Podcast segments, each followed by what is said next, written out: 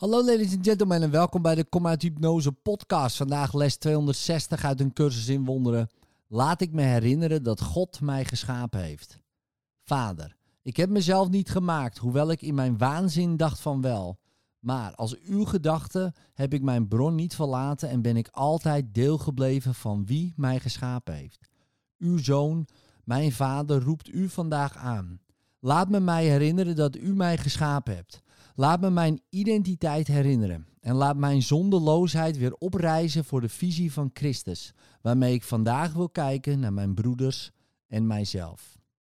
Nu herinneren we ons onze bron en daarin vinden we eindelijk onze ware identiteit. Wij zijn waarlijk heilig, want onze bron kan van geen zonde weten. En wij die zijn zonen zijn, zijn elkaars evenbeeld en de gelijkenis van hem. In liefde, tot morgen.